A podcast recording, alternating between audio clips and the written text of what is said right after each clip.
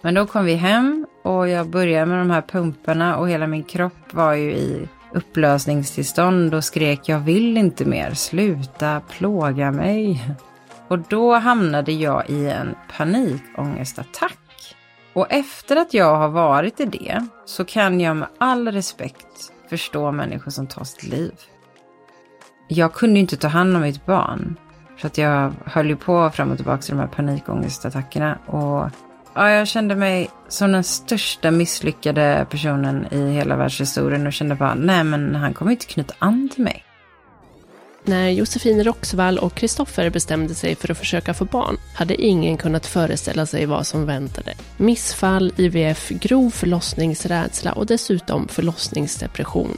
Idag är sonen Matteo fem år och Josefin har fått ett kall att hjälpa blivande föräldrar till en så skonsam start som möjligt. Hur länge höll helvetet i sig? Vad hjälpte? Dessutom uppväxten i England och Frankrike och tricket för en lyckad fransk dressing. Det hör du snart här i mammaintervjun och jag, jag heter Lisa Näs.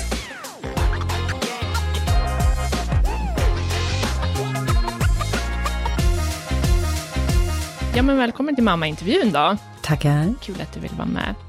Men Josefin, vill du berätta om, eh, vill du berätta om dig till att börja med? Mm.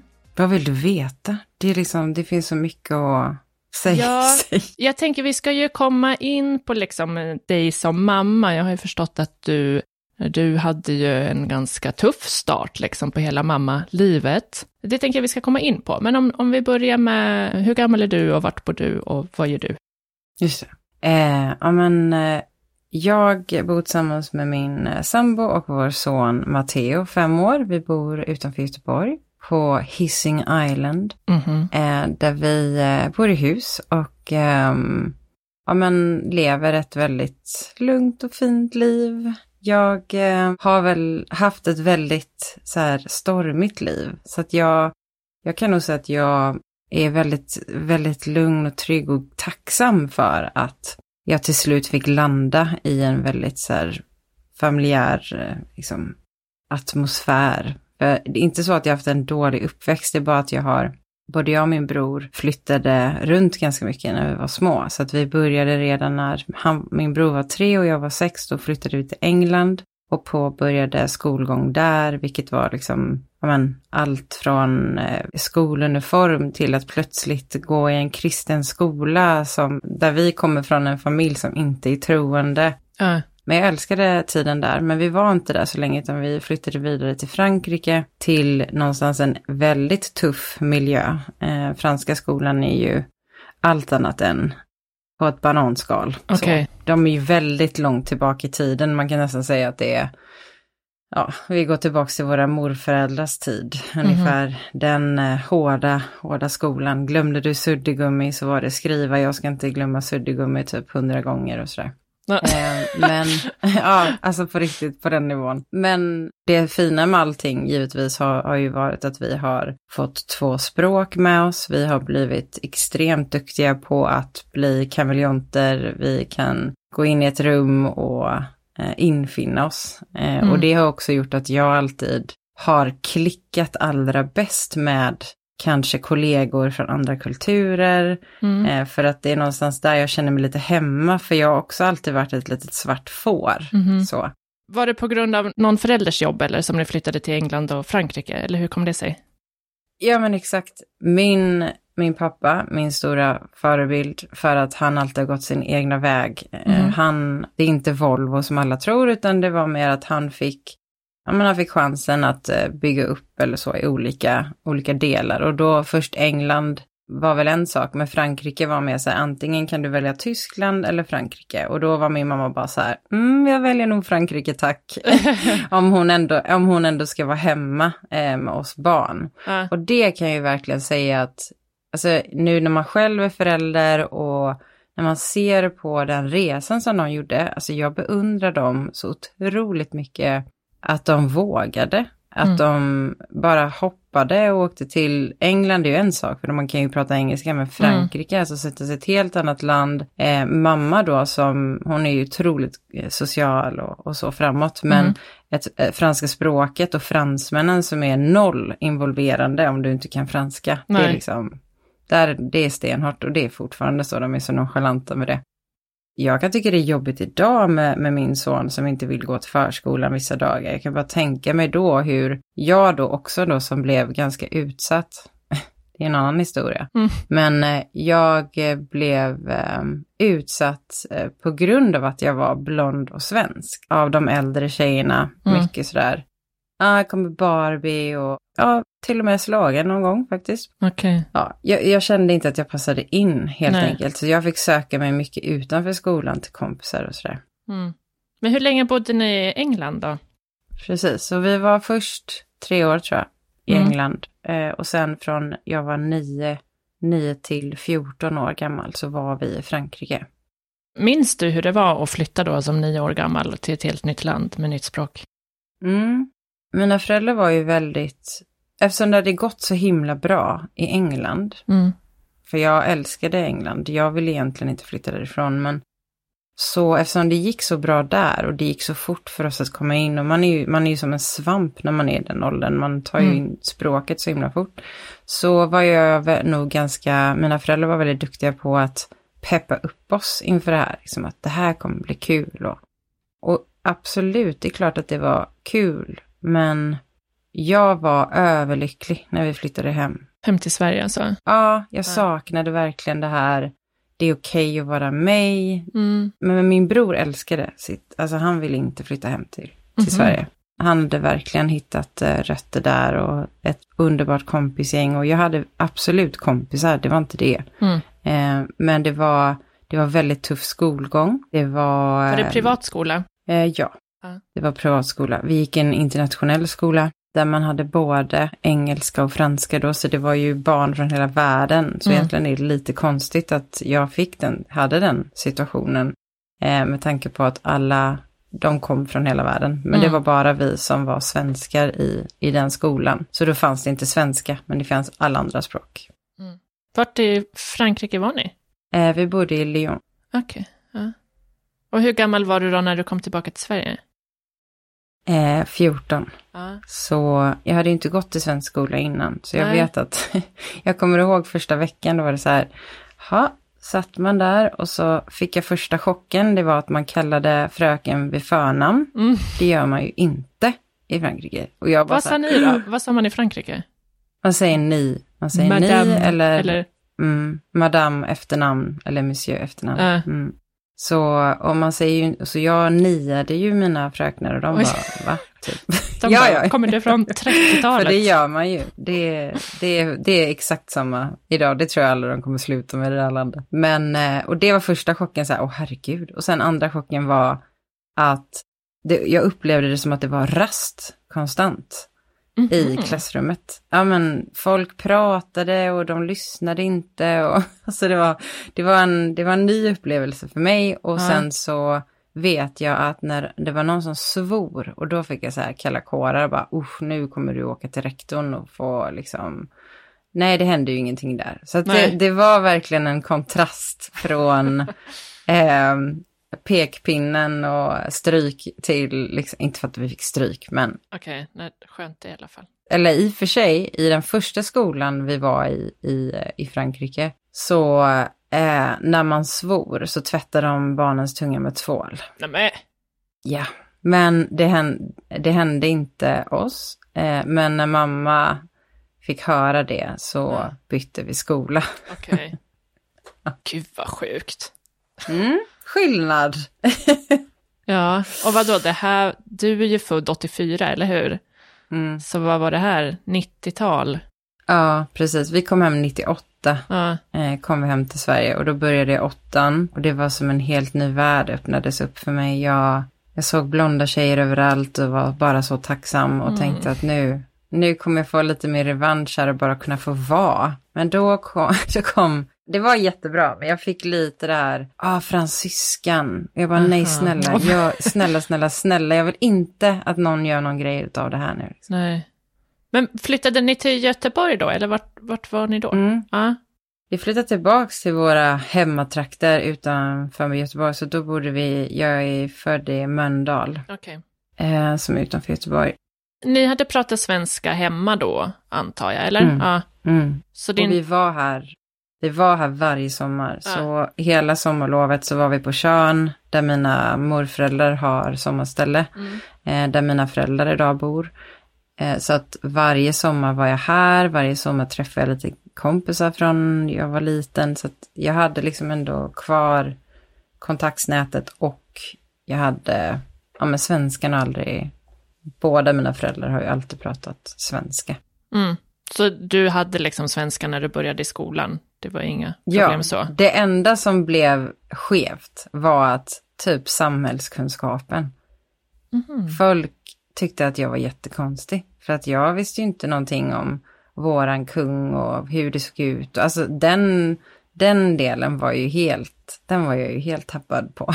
så att jag mm. fick ju, men min mamma är ju lärare så att um, hon var väldigt på med, jag skrev mycket brev med kompisar och alltså sådana saker så att jag höll, eh, sen har både jag och min bror en otrolig språkaura, säger man inte, men en, där, vi är duktiga på språk så att mm. eh, det var inga problem att komma tillbaka in i Nej, vad skönt. skrivandet. Och sånt. Men vad jobbade mm. din pappa med då? Du sa att det inte var Volvo. Nej, eh, han har gjort, alltså jag försöker komma ihåg, han har gjort så mycket. Äh. Men han, eh, alltså på den tiden så höll han ju på med, alltså golv. Jaha där han sålde olika typer av golv. Det kan vara ett marmorgolv eller det kan vara ett eh, vanligt golv. Och sen så var det en lång period där han också var golvläggare. Så han hade mm. egen firma. Eh, och sen kom han in på färg, så att han jobbade med då färg. Mm. Och sen så, alltså han har gjort så mycket konstiga saker. Alltså mm. så, inte konstiga saker men lite så här ovanliga saker och gått sin egna väg framför allt. Men eh, nu är de lyckligt pensionerade och är just nu i Spanien och göttar sig på sina golfresor. Mm. Jag är bara njut nu. Så nu är det golf istället för golv? Ja, det golv var väldigt många år sedan för det sliter ju otroligt mycket. Men, eh, Okej, men dina föräldrar, lärde de sig franska då när, vi, när ni var i Frankrike?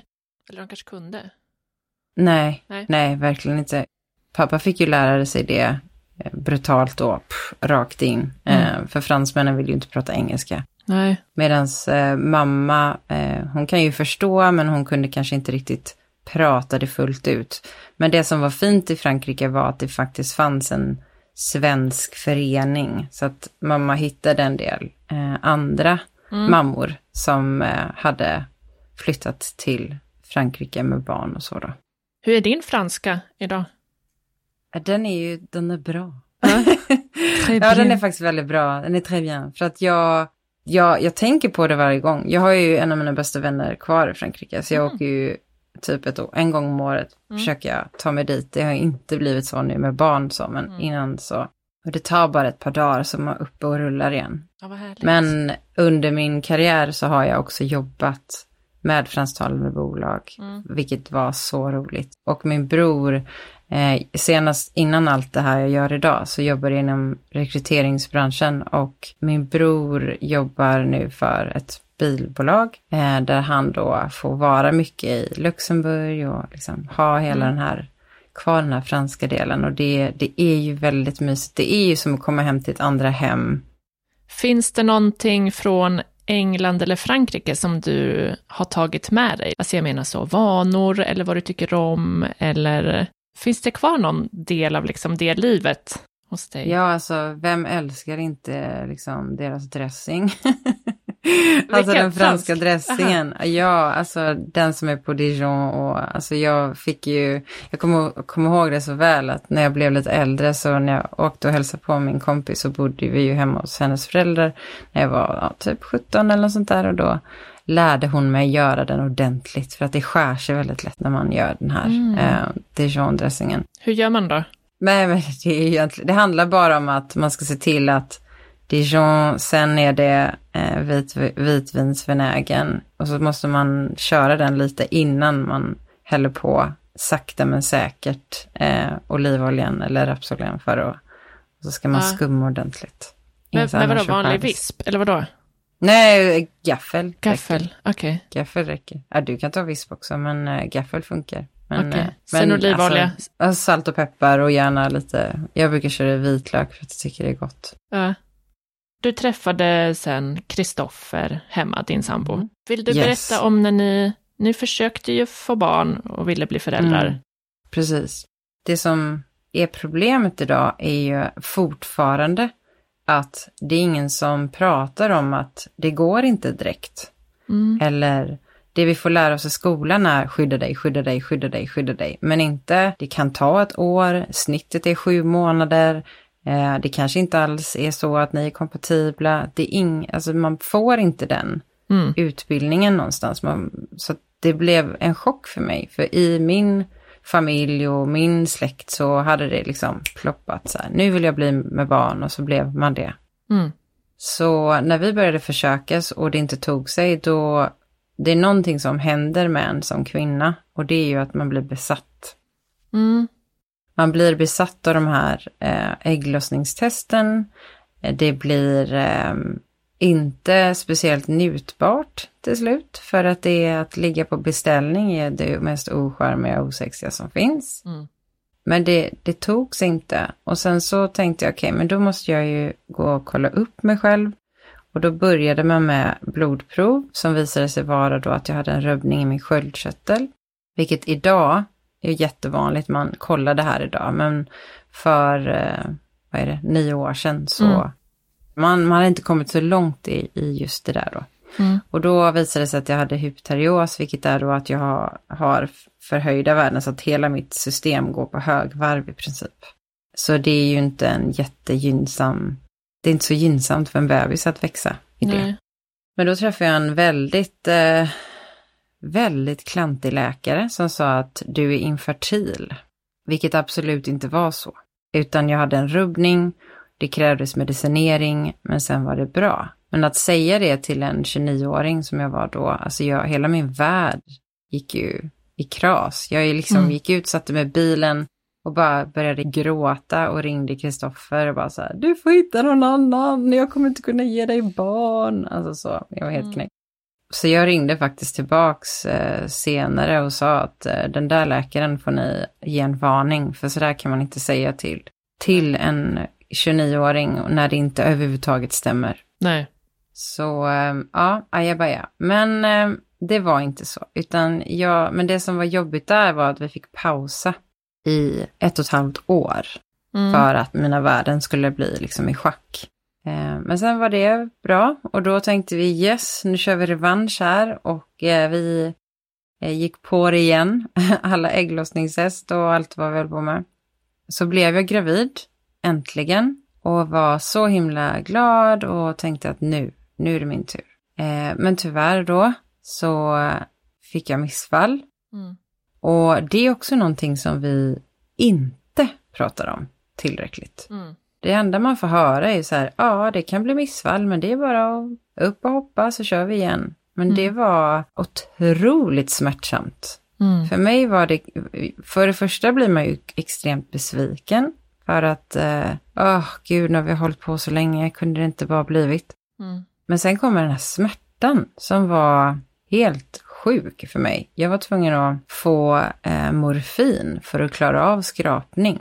För det, mm. var, det var brutalt. Jag kommer ihåg det så väl när man ligger där och de ska gå in och gräva i en. Alltså det var... Oh, det var inte kul. Ja, det var inte kul. Men då tänkte jag så här, okej, okay, så nu tar vi nya tag här då. Eh, och det man inte får glömma också är att det är ganska, det är så ensamt som kvinna. För att det är ju ens egna kropp Mm. Det är ju svårt för partnern att förstå. Partnern kan ju vara besviken, eh, men allt som händer inom kvinnan är ju ganska, ja, man kan känna sig ganska ensam. Mm. Men då, då började jag göra massa andra konstiga saker. Då gick jag till eh, jag gjorde akupunktur flera gånger i veckan. Jag drack mm. massa konstiga kinesiska örter som smakade döden. och, och alltså jag höll, jag höll på, jag höll på, jag höll på. Mm. Um, Tills en dag där jag kände bara nej, nu, nu räcker det. Nu eh, får vi göra en fertilitetsundersökning och det visar sig då da, da, da, att min sambo hade få men bra spermier. Okay. Och jag hade få men bra ägg. Mm -hmm. Men den stora saken var då få men bra spermier. Mm. Så det vill jag verkligen att till alla som lyssnar, sluta vänd och in och ut på dig själv som kvinna. Din man behöver bara gå och spruta i en liten jäkla kopp. Mm. Alltså lägg inte hela ansvaret på dig själv, för vi är så himla duktiga på att göra det. Mm. Men hur som helst så var det ju skönt att veta att, ja men då är det inget fel på oss inom situationstecken, utan det är bara, vi behöver hjälp på traven Ja. helt enkelt. Ja. Så eh, det var en superfin resa. Jag, har, jag vet att det, man reagerar olika på sprutorna, så man Mm. får ju ta sprutor i magen i tio dagar och, och för att få igång, få igång äggproduktionen så att man får många blåsor. Mm. Eh, och vi fick åtta embryo som blev bef- befruktade, men det var tyvärr bara ett som överlevde. Mm. Men som tur var så blev ju den här lilla rackaren, våran kära lilla femåring Matteo då. Mm.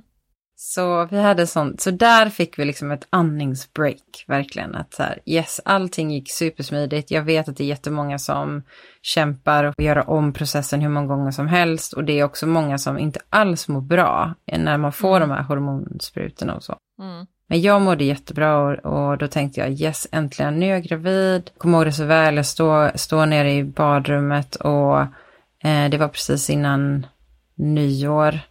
Och jag plussar och bara så här. Det var liksom som att hela... Jag bara, nu kan allt hända, jag skiter i vilket, livet är topp, allt är som så. Så det var verkligen, ja, det var en speciell känsla att få känna att nu gäller det. Och det här är också någon, en fråga jag får ofta så här, men var du inte orolig att det skulle ske igen, att du skulle få missfall igen? Men jag kände någonstans inom mig att nu är det min tur. Mm.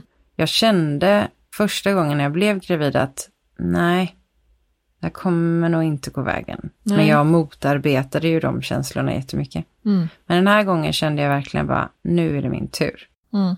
Jag eh, var bara så överlycklig att vi äntligen var gravida.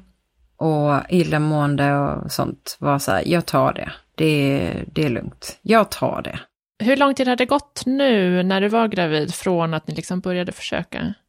Eh, 29, 30, 31, 32, 33. Ja, fem år kanske. Mm. Så hade man vetat det, om man hade gått i framtiden så hade man ju bara, vi skiter i det här. Ja. Liksom.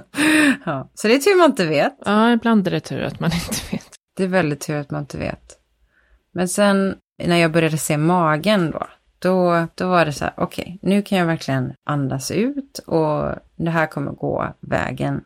Men då började en ny liten oro som bara växte sig större och större och större inom mig och det var att jag inte ville föda vaginalt.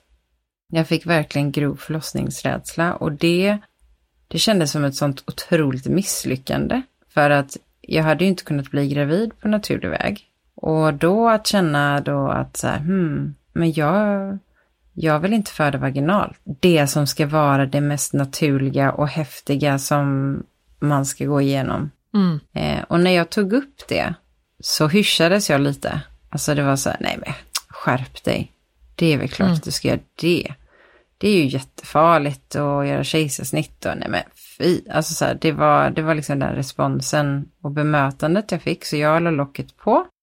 Och tiden gick, ångesten bara blev värre och värre och värre och värre. Och jag började sakta men säkert eh, inte njuta lika mycket. För det enda jag gick och tänkte på var nu måste du lösa det här, nu måste du Ja. lösa det här, nu ska du ta dig igenom det här, skärp dig. Och jag tror faktiskt att det grundar sig väldigt mycket i historik, alltså min historik har varit, jag har haft eh, endometrios, eh, mycket smärta, jag genom det här missfallet var ju, jag kände att det räckte för mig. Mm.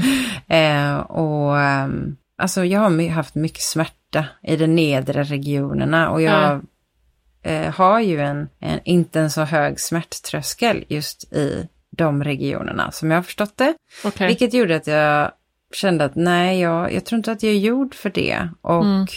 jag litar tyvärr inte på vården. Ehm, och inte att jag inte litar på själva vårdpersonalen. Jag litar inte på bristen i vården. Mm. För jag har alldeles för många omkring mig som inte har upplevt bra förlossningar. Eh, som har blivit pannkaka. Mm. Så jag, ehm, jag gick där och byggde min ångest och hamnade så smått i en depression. Men sen så när jag var hos min barnmorska i vecka 23, då när vi fick se den här 90-tals trötta filmen på en förlossning, då bara så här, nej, nej men jag löser inte det. Då kraschade jag liksom och bara drog i handbromsen, satte med min barnmorska och sa att jag kommer inte lösa det. Jag vill inte. Jag vill inte. Vad ska jag göra? Jag får panik. Mm. Och då kommer ju nästa process då som man kan diskutera i det här landet och det är ju en eh, Aurora-process som det heter. Mm. Alltså att man får ju komma till eh, Aurora-mottagningen för att prata om sin förlossningsrädsla och målet är ju att man ska må, alltså att man ska ta sig ur den rädslan och vilja genomföra en vaginal förlossning och det är ju, alltså grunderna är ju bra. Problemet är att det känns som att man ska bli övertalad till en vaginal förlossning. Mm. Och för det första så fick jag inte komma dit för de tyckte att eh, hej, vänligt men bestämt, vi tycker du har gått för långt, vi har inte Ah. tid. Ah, Och då tack. var det så här, då fick, ja, alltså, jag, alltså då, då fick jag ju panik på riktigt. Att Ja. jag inte ens fick det stödet kände jag. Men jag, jag gav mig inte där, utan jag låg på. Och då kan jag verkligen känna, stackars de här kvinnorna som inte är så drivna, som inte vågar ta för sig. Mm. Så all kärlek till er. Alltså som, Och som ska orka det mitt i graviditeten efter allt man har gått igenom redan. Eller som Ja. du hade. Ja, men jag har ju alltid varit så här, kommer nog lite från, eh, alltså inte mina, eller pappa har ju alltid varit den som bara, ja, det löser sig. Alltså så. Eh, så jag har nog ganska mycket av honom i mig, även om han är världens mjukaste och finaste pappa så är det liksom, nej, det löser sig. Mm. Så jag eh, låg på och till slut så fick jag då ett svar från en Aurora-barnmorska som sa att vi har tid för dig, välkommen. Och då Mm. följde min sambo med, för jag bara, jag kan inte gå på det där själv. eh, och vi, när vi gick därifrån så frågade jag verkligen honom så här, är det bara jag eller fick jag verkligen, jag fick ju liksom kämpa med näbbar och klor för att bevisa, bevisa min sak på något Ja. sätt. Och det tyckte han också, så att jag var inte dum i huvudet. Så. Eh, för det var väldigt skönt att få det bekräftat att han också upplevde att oj, vad, vad sjukt att du ska sitta här och vara ett vrak och ändå få sitta och förklara varför du för ditt egna psyke som nästan 34-åring som har genomgått en IVF ska få bestämma över din kropp. Mm. Men jag fick beviljat, thank God. När fick du veta det då? Alltså, Mm, men då var det en liten, de slänger ju med en sån här liten eh, ful parentes ändå.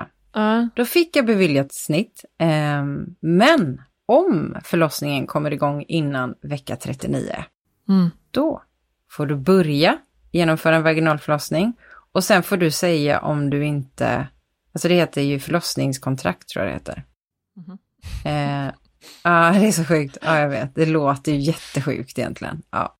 Eh, men om du, inte, om du inte känner under din förlossning att du vill så kommer du få beviljat kejsarsnitt. Och min sambo bara, men alltså vi sitter ju här, vad tror du kommer hända? Ska du Ja. tvinga in henne i en sån här sjuk, det som hon absolut inte vill, för att sen även gå igenom ett kejsarsnitt? Alltså det är helt ologiskt. Och varför skulle du känna att du vill? Och varför Då? skulle jag känna det då? Nej. Nej men för då är det så att då, då kommer man över det och så går det jättebra. Men Mm. ja, men nej. eh, nej, så, eh, så jag gick ju ändå då med mycket ångest in Mm. i det sista. För att jag bara, du får inte komma ut innan vecka 39. Nej. Och ja, vi höll på med båten, vi, vi hade båt på den tiden. På den tiden, låter som jag är 47 liksom. Nej, men vi hade båt ehm, och ehm, jag skulle hoppa i land och det blev för mycket då, för jag var höggravid. Så, och då fick jag sådana otroliga förverkar och tänkte att nu skiter det sig. Mm. Nu kommer jag få gå in och göra den här skräckförlossningen. Så jag var ju ett vrak där i några dygn. Och fick till slut komma till en läkare för att min sambo bara, du är inte, du, du är helt förstörd. Du är totalt under isen jag kan inte se på det här längre. Så jag åker till en läkare varpå en läkare tar in och bara, ja men vet du vad, det här är ju ingen bra start för att starta ett liv med 24-7 eh, sov, alltså sömnlösa nätter. Du, det här kommer inte bli en bra start för dig. Så jag vill sätta dig på antidepressiva. Och eh, jag har absolut inga problem. Jag är inte emot någonting sånt. Jag är, jag är verkligen så här, okej, okay, om det hjälper mig under en period så kör vi. Mm. Så jag, eh, jag går till apoteket och tänker, ja ja, men jag gör det här nu. Och de, om de säger att inte det påverkar mitt foster, fine. Då får jag väl lita på vården då. Mm. Och det ska inte göra det, vilket jag vill poängtera. Det ska mm. inte påverka bebisen. Men kommer nästa skärmiga person här. På apoteket?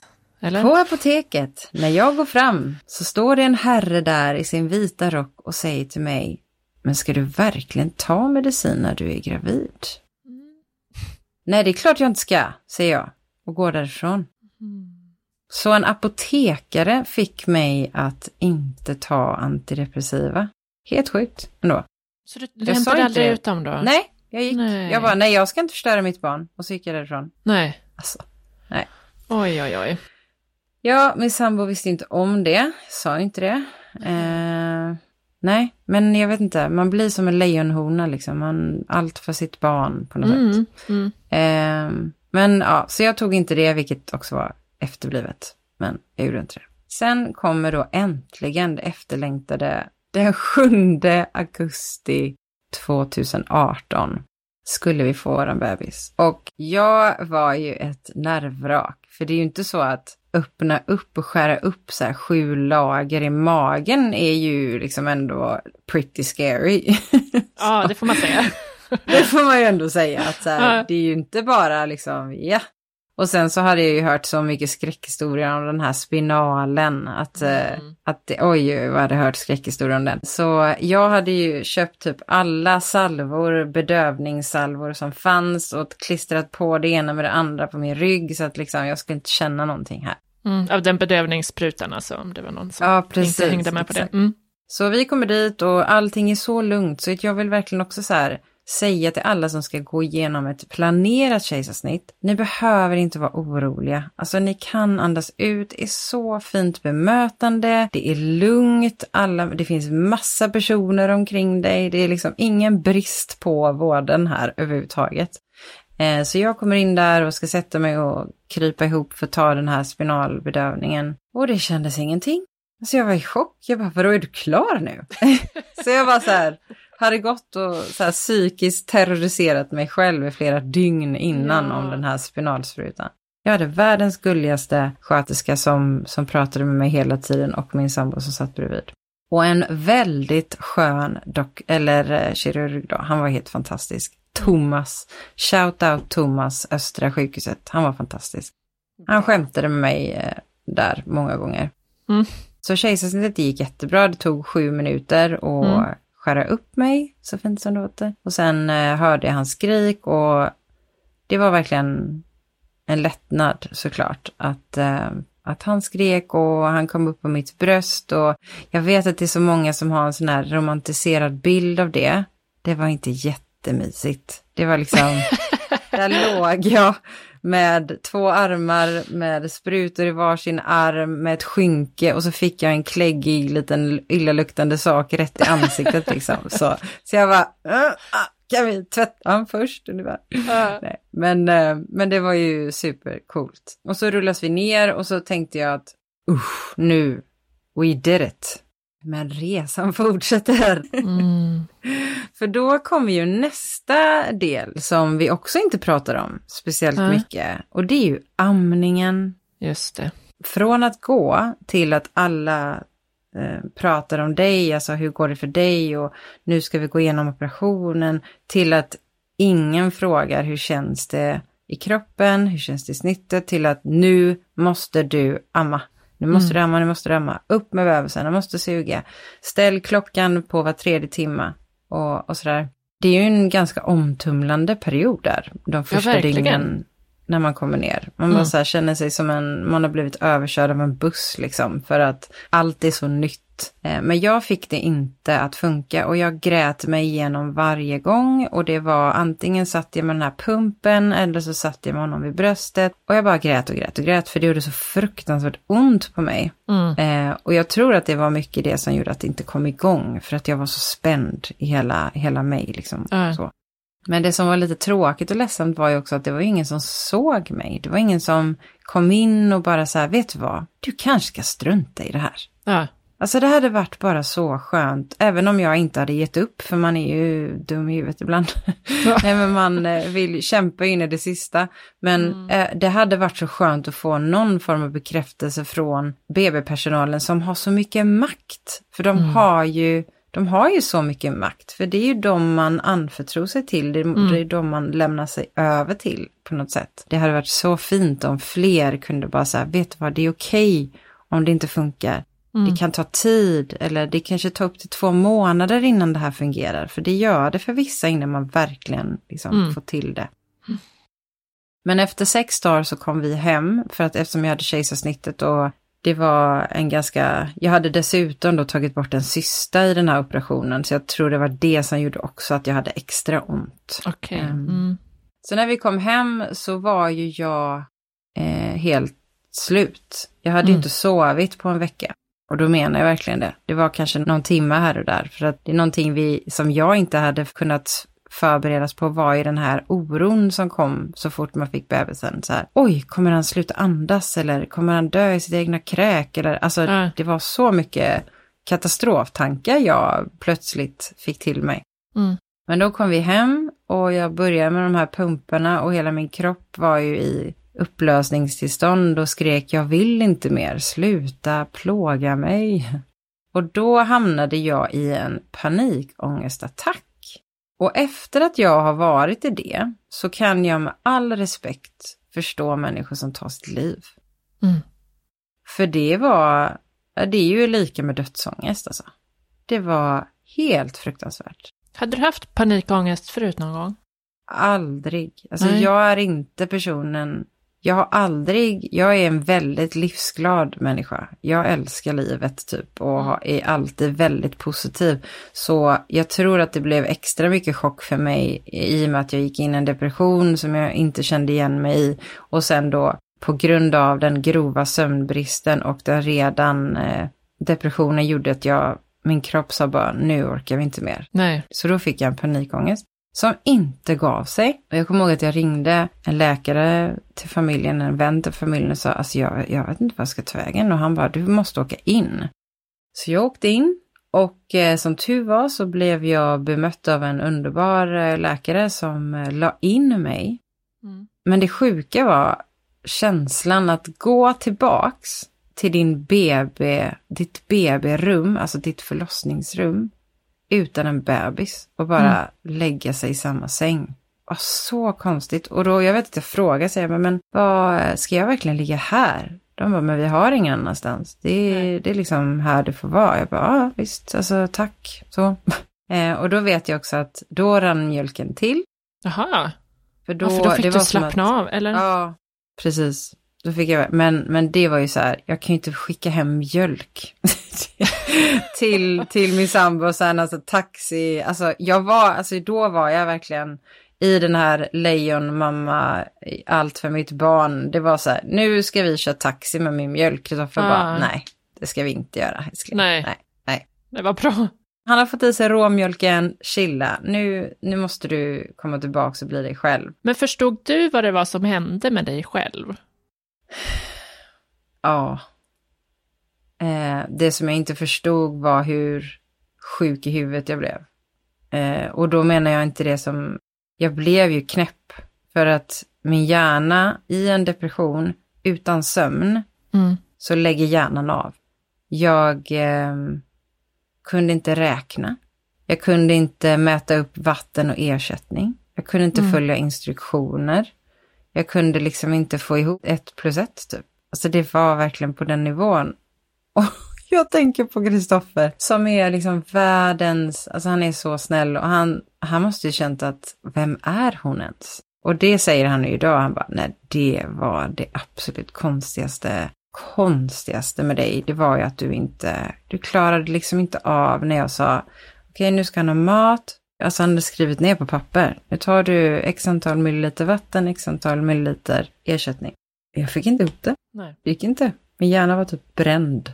Det var ju när jag kom hem då, när jag var i förlossningsdepressionen. Så om vi spolar tillbaks när vi fortfarande är på, på BB så Mm. fick jag vara där i sju dagar. Mm. Men problemet var då, igen, att det var ju fel personer som träffade mig, som inte gav mig medicin för att häva den här panikångesten. Mm.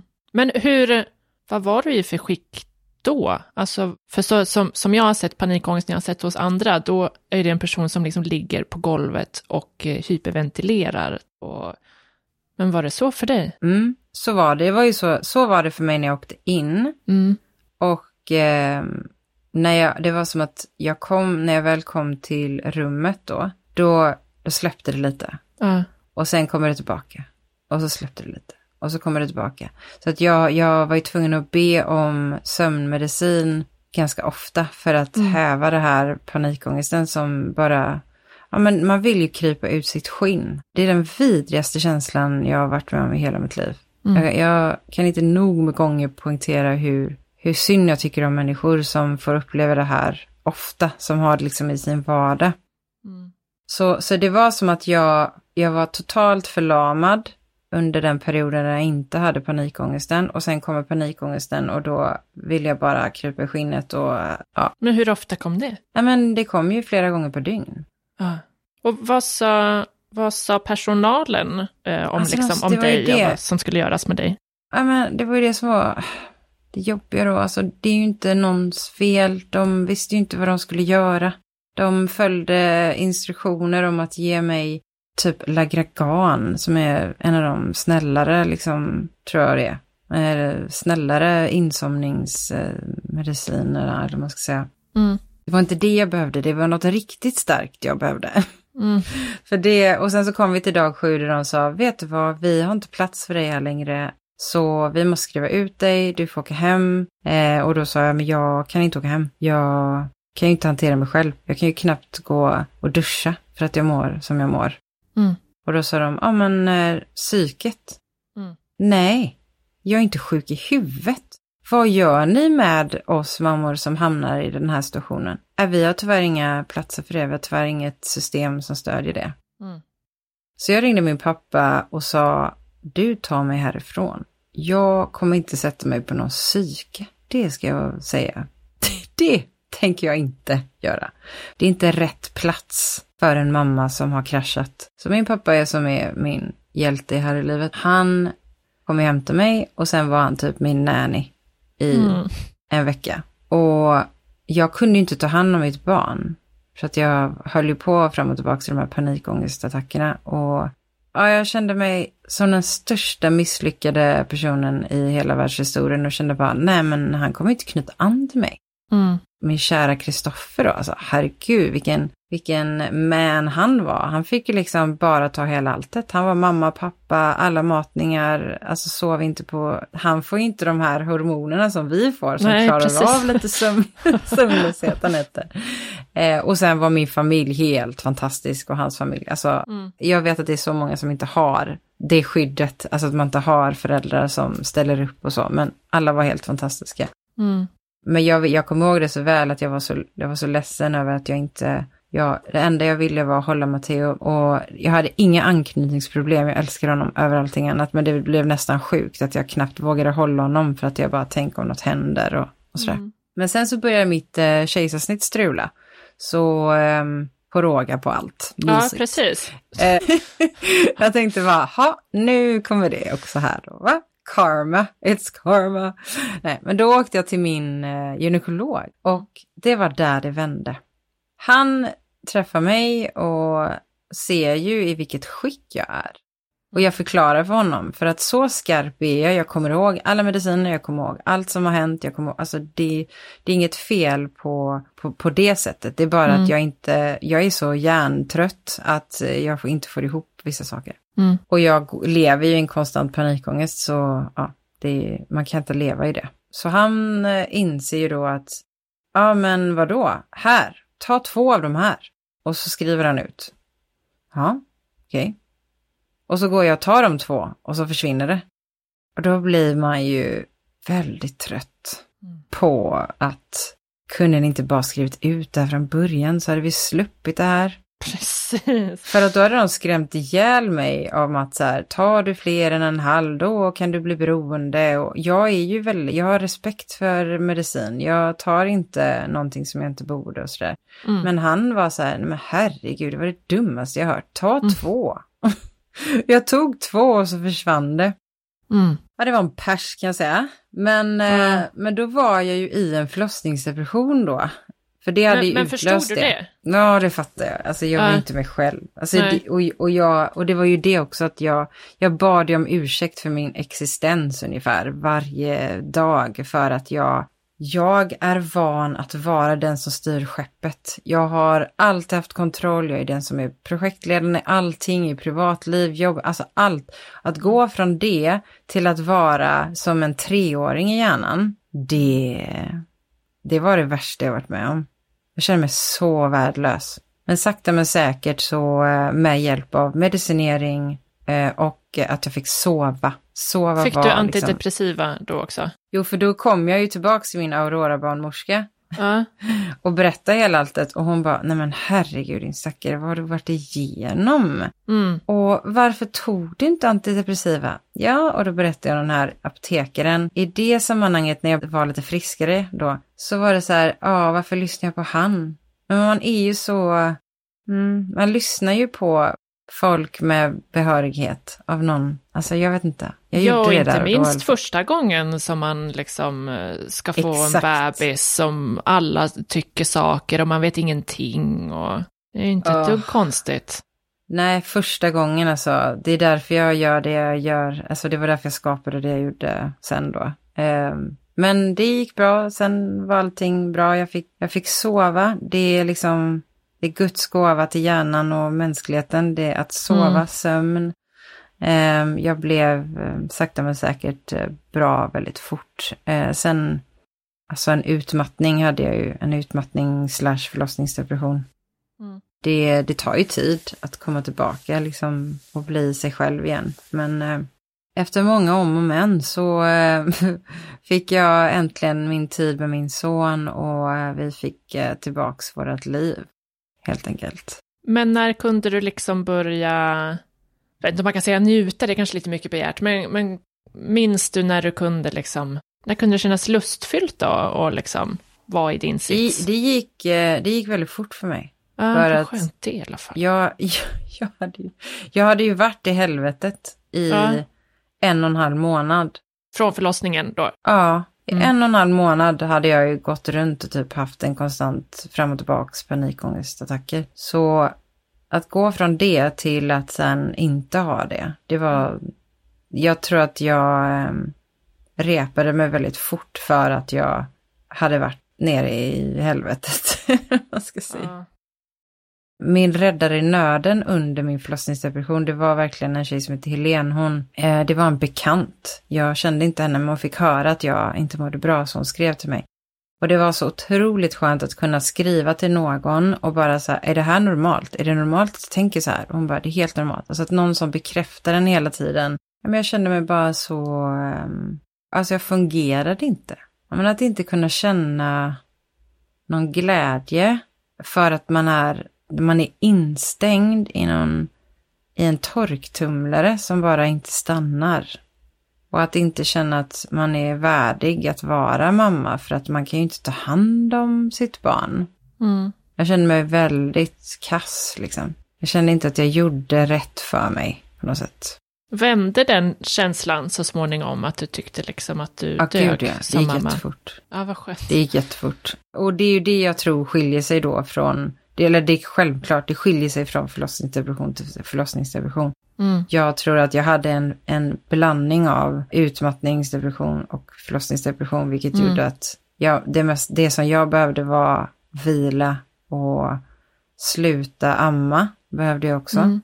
För det var ju jättemycket, det var väldigt ångestfyllt för mig att eh, pressas till det. Mm. Men man är så olika. Vissa tar det kort tid, andra kan det ta ett år, andra kan det ta sju månader. Alltså, det är så himla individuellt. Men det mm. eftersom jag fick så mycket kärlek och så mycket bekräftelse och hjälp ifrån bara att kunna skriva till någon som hade varit i samma situation, så kände jag att jag måste ju på något sätt göra, ge tillbaka. Mm. Så då hittade jag till Mamma till mamma, eh, som är en ideell organisation som jobbar med just att eh, finnas där, skriva med mammor som antingen är i en förlossningsdepression, förlossningspsykos eller där man verkligen kan finnas till och ge utrymme för att säga exakt vad man känner. Mm. För det är ju det som, som många tror jag går och bär på, att man vågar inte säga som det är, för det låter mm. helt sjukt. Så då blev jag stödmamma eh, i den organisationen. Och sen växte det mer så här fram i mig att så här, hmm, hur kan jag förbereda första gångs föräldrar, främst mammor, på det här första gången som inte alls behöver bli så himla eh, rosa och fluffig. För mm. det, det vi ser på sociala medier, det vi ser på alla baby shops och allting, det är ju så himla fluffigt och rosa. Mm.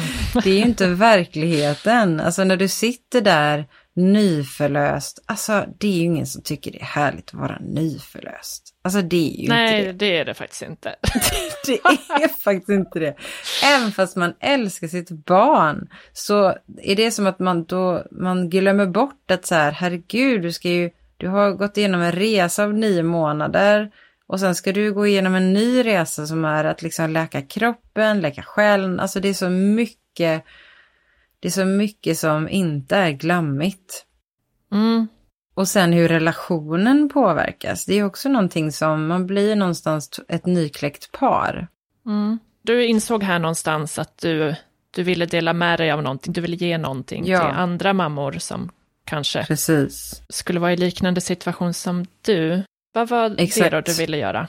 Tanken egentligen som började växa fram i mig efter att jag började som stödförälder på mamma till mamma mm. var ju det här med att, men om vi tittar här nu på utbildningen, informationen, förberedelsen vi får när vi ska bli föräldrar för första gången.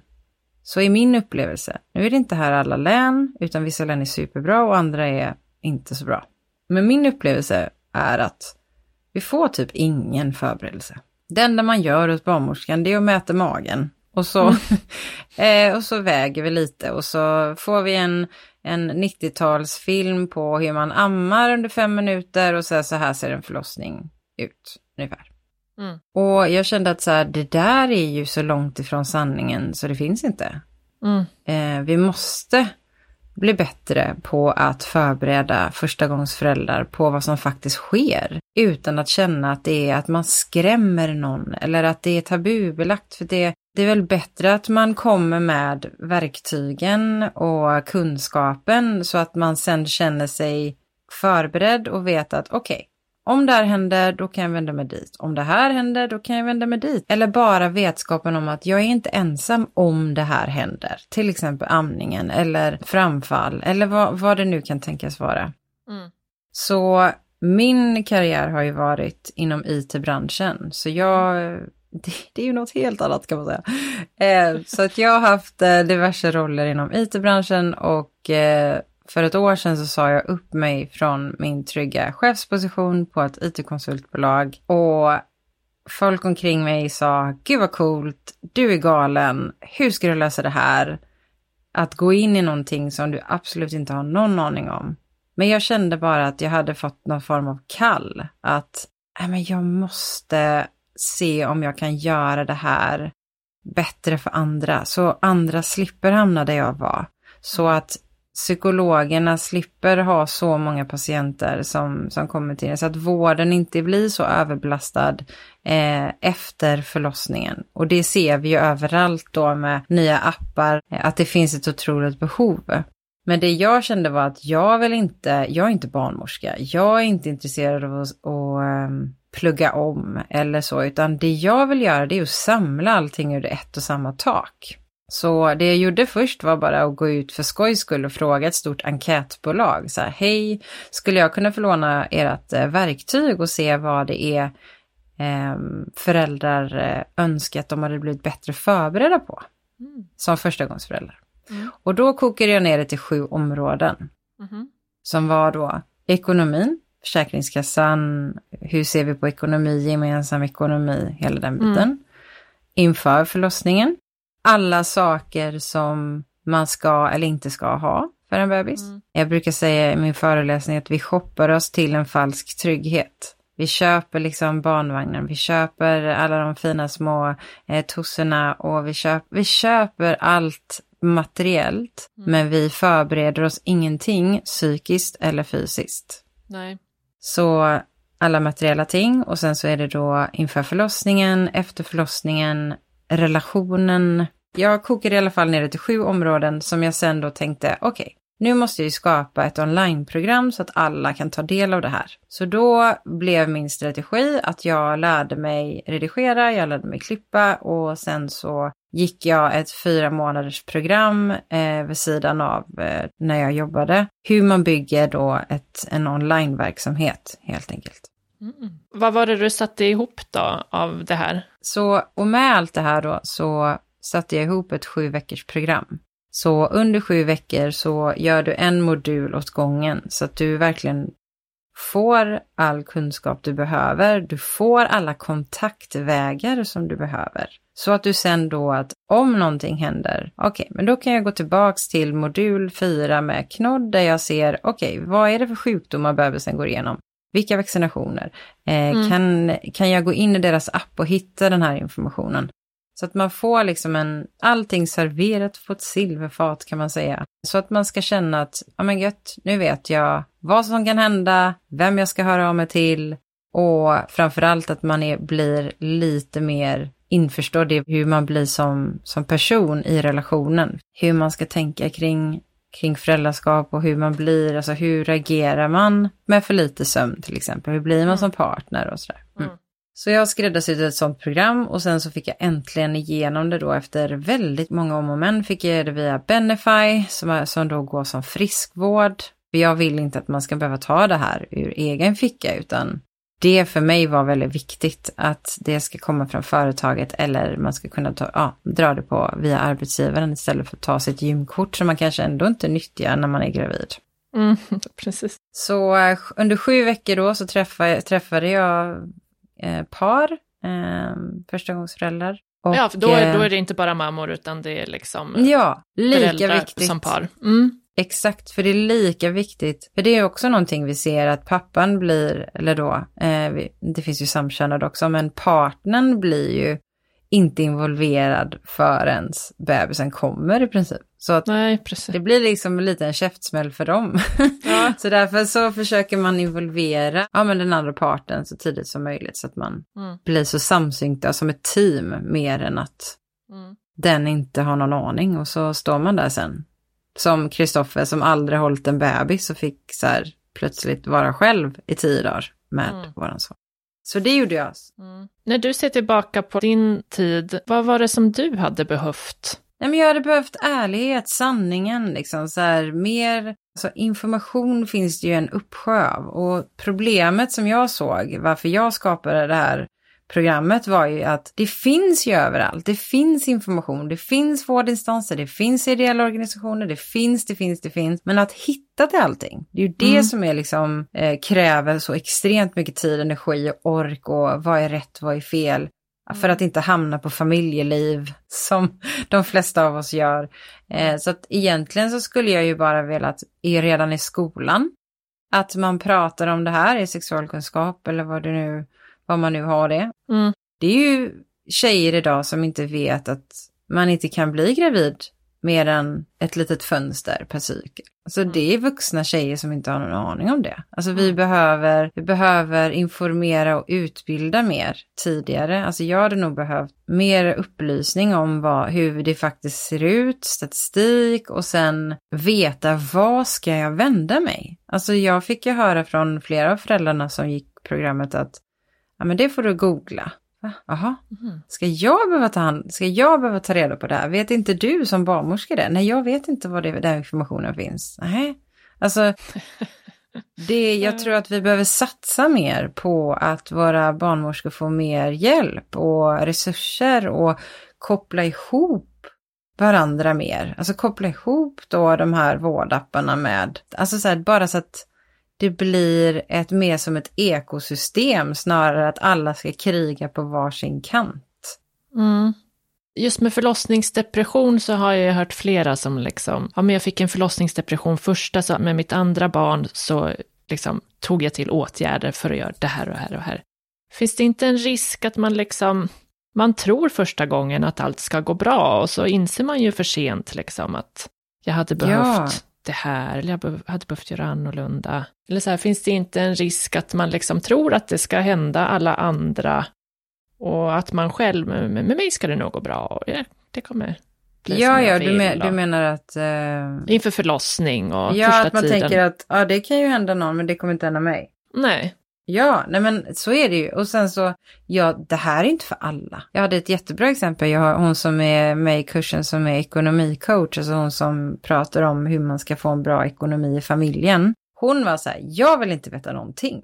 Jag sa, ja, det här får du, jag ska ha en naturlig förlossning, det kommer gå kanon. Så här, låt mm. mig vara. Och mm. det är fine. Alltså man måste ju veta vad man behöver själv, men jag tycker att informationen eller kunskapen ska ändå finnas tillgänglig om man behöver den. Och du ska mm. ändå kunna vända dig till, tycker jag då, din MVC och säga, vad hittar jag den här informationen? Mm. Inte att du ska få så här, det vet jag inte, eller det, det behöver du inte tänka på nu. Eller det, Nej. så, du behöver inte vara orolig. För att vissa av oss vill veta allt, andra vill inte veta någonting. Mm. Och sen så är man ju lite naiv, alltså, och det är väl tur det, annars hade man väl inte skaffat barn. Om man skulle veta att okej, okay, de första två åren kommer du vabba ihjäl dig och du kommer tycka att du är värdelös på alla plan, eller du kommer vara sjuk en gång i månaden under de här första två åren. Alltså det är ju så mycket som som kommer med barn som är också väldigt utmanande. Mm, absolut. Samtidigt som det är det bästa som finns. Du sa att eh, din son han är fem år nu. Vad, eh, vad tycker du är roligast just nu med att vara mamma till honom? Men jag trodde jag skulle vara värsta bebismamman. Jag trodde jag skulle älska det här eh, mini-mini. Mm. Det var jag inte alls. Jag eh, var så trött på att sitta i sandlådor det gick ganska fort tills jag tröttnade på sandlådorna och det här konstanta eh, upppassningen. Jag älskar nu för att nu är han, han börjar bli sin egna individ. Han säger så sjukt mycket konstiga och roliga saker. Jag bara fullkomligt älskar det.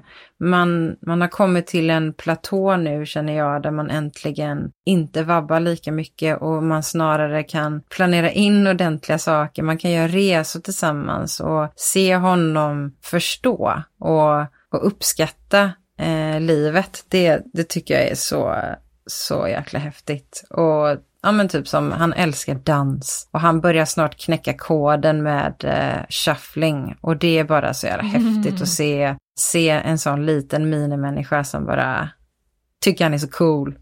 jag tycker det är så mysigt. Så det är grymt. Jag älskar eh, varje år. Alltså, jag, jag kommer ihåg det och jag tror att det många är, är så oroliga för att åh men förlora den här bebistiden och ja de är så gulliga och kramgoa när de är sådana här små köttiga saker. Men jag vill bara skicka med någon som lyssnar att varje år har ju sin charm. Mm. Och jag älskar det här, just nu älskar jag det som mest tror jag, för att han man kan ju prata med honom nu. Han är ju liksom sin egna lilla individ. Mm. Ja men du Josefin, jag känner att vi har gått igenom jättemycket och det här har blivit jättelångt. Ja, jag babblade på.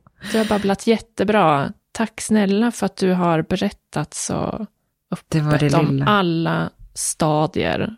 Mm, självklart, det var bara, det var jättefint att få vara med helt enkelt. Alltså vi, kör ju Fika och Falafelpodden då, som är också väldigt mycket tunga ämnen, men också mycket mm. humor. Så eh, mm. två kulturer möts, två mammor från två olika kulturer. Vilket kan bidrar med mycket roliga saker också och in intressanta insikter. Mm. Så där hittar man dig. Yes. Fika och falafelpodden och på SOS Föräldrar. Tack snälla Josefin. Vi hörs. Tack själv Lisa. Och tack till dig som har lyssnat. Prenumerera gärna på podden så missar du ingenting.